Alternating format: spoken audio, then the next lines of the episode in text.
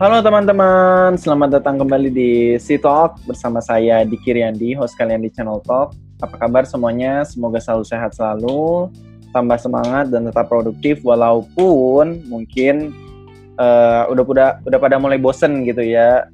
Suntuk karena udah mungkin 2 sampai 3 minggu ini kita aktivitasnya full di rumah terus ya kan karena ya memang banyak perusahaan yang menerapkan working from home ya tapi mau gimana lagi kan soalnya ini mungkin salah satu upaya yang bisa kita lakukan terkait membantu berkontribusi dalam membantu mengurangi penyebaran dari virus COVID-19 ini. Nah, ngobrolin produktivitas nih ketika working from home, biasanya buat teman-teman yang mungkin tidak terbiasa untuk kerja remote atau perusahaannya baru pertama kali menerapkan kebijakan working from home, mungkin banyak yang produktivitasnya itu menjadi berkurang. Nah, karena mungkin belum terbiasa terkait bagaimana sih cara-caranya untuk kita bisa tetap produktif walaupun kita tidak bekerja di kantor yang memang suasananya mungkin kurang mendukung kan untuk kita bisa bekerja secara optimal. Nah, kali ini kita di situ akan berbagi beberapa tips nih terkait aplikasi yang bisa membantu kita untuk tetap produktif dan memudahkan kita untuk bisa bekerja secara optimal walaupun kita bekerja dari rumah gitu.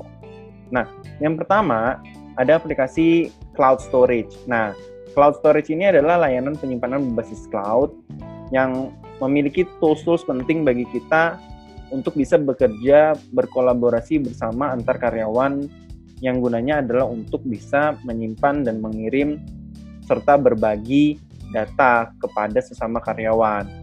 Nah, cloud storage ini ada beberapa contohnya lah ya, kayak misalnya pertama yang mungkin kita paling tahu adalah Google Drive, terus ada OneDrive dari Microsoft, terus ada iCloud, dan masih banyak lagi. Nah, cuman untuk yang biasanya paling umum dipakai ketika bekerja itu adalah uh, Google Drive dan juga OneDrive dari Microsoft. Nah, lanjut nih, aplikasi kedua yang juga nggak kalah penting, yang itu adalah VPN atau pri uh, Virtual Private Network.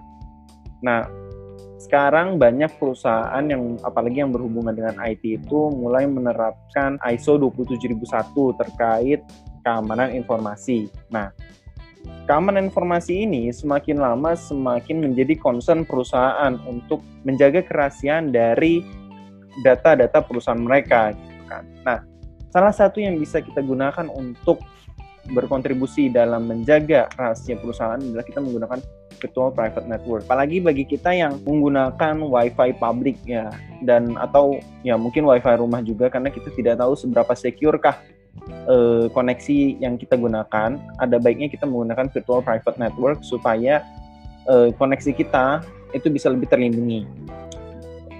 Nah, selanjutnya ada collaborator app. Collaborator app ini biasanya eh, membantu kita untuk bisa mengerjakan sebuah project atau pekerjaan itu secara kolaborasi dan juga terorganisir. Nah, salah satu kolaborator app yang paling terkenal ada Trello, terus ada juga Monday.com, lalu ada workplace dari Facebook yang mungkin setiap perusahaan itu punya aplikasi-aplikasi yang digunakannya sendiri. Nah, selanjutnya ada juga conference app ya kan. Nah, conference app ini biasa juga disebut dengan meeting app, eh, sebuah aplikasi yang bisa memungkinkan kita untuk melakukan meeting atau konferensi secara online. Contohnya ada beberapa seperti Zoom, lalu ada Google Hangout, lalu ada Skype dan lain-lain. Nah, yang terakhir nih yang gak kalah penting juga ada chat app. Chat app ya seperti yang kita tahu dan biasa kita gunakan gitu kan. Aplikasi-aplikasi yang kita gunakan untuk chatting. Nah, bisa kita juga kita siapkan juga nih ketika kita mulai bekerja, langsung kita nyalain WhatsApp kita via website, kita standby kita di Telegram ataupun yang biasanya perusahaan lain juga menggunakan Slack, bisa juga kita siapkan Slack untuk lebih memudahkan kita dalam berkolaborasi dengan teman-teman. Selain itu juga dengan bantuan aplikasi-aplikasi ini kita akan bisa tetap optimal dan juga produktif lagi di masa masa working from home kita seperti saat ini. Nah, mungkin cukup sekian channel Line Talk kita pada kesempatan kali ini.